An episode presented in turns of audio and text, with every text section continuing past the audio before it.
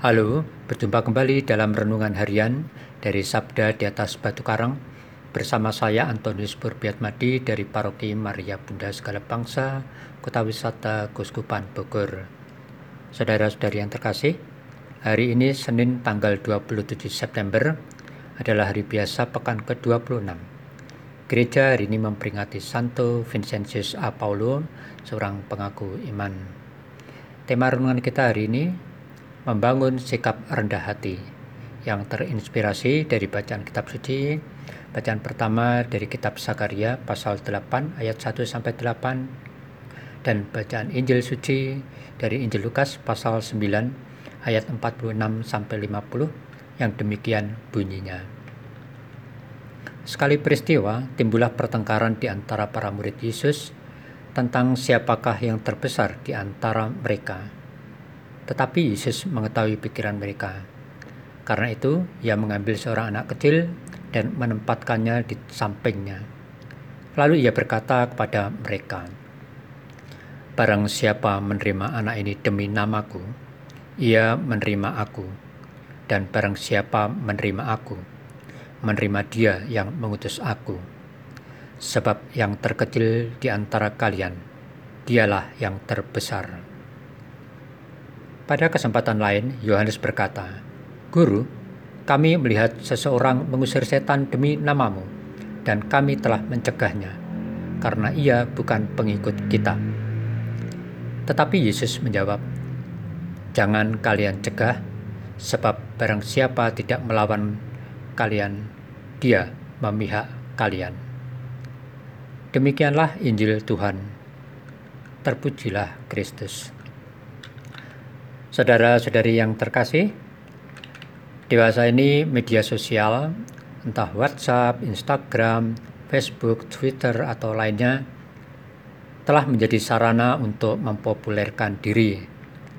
Orang zaman sekarang mengistilahkannya dengan sebutan pansos atau panjat sosial, yakni supaya orang menjadi terkenal, punya banyak pengikut atau follower, dan sebagainya.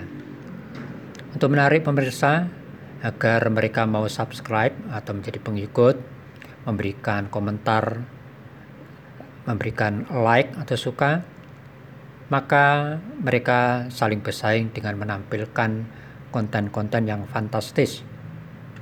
Tentu saja ada persaingan dan berebut untuk menjadi yang pertama atau terkenal. Saudara-saudari yang terkasih, bacaan Injil pada hari ini menggambarkan keributan para murid Yesus di mana mereka saling bertengkar tentang siapakah yang terbesar di antara mereka. Mereka beranggapan bahwa jika Yesus kelak akan menjadi pemimpin negeri, maka mereka berharap untuk bisa mendapatkan posisi atau jabatan strategis. Dan jika sudah menjadi pejabat atau orang penting, maka mereka akan mendapatkan kekayaan, pelayanan atau fasilitas istimewa lainnya.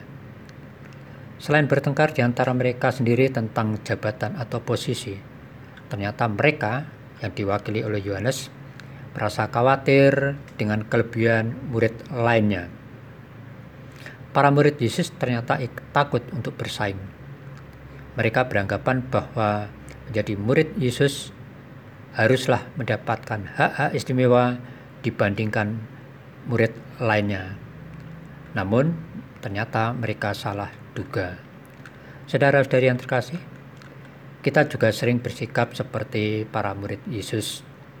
Merasa sebagai orang yang aktif menggereja di paroki atau keuskupan misalnya. Sehingga seolah-olah harus mendapatkan penghormatan atau keistimewaan lainnya.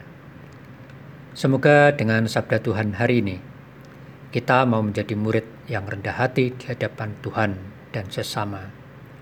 Semua pelayanan yang kita lakukan semata-mata adalah untuk kemuliaan Tuhan, bukan untuk pamer diri, pansos, atau kepentingan pribadi lainnya.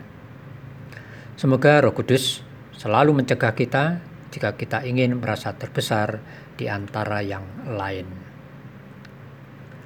Ya Yesus, semoga aku mampu menjadi orang yang rendah hati sehingga mampu untuk melaksanakan kehendak Allah. Amin.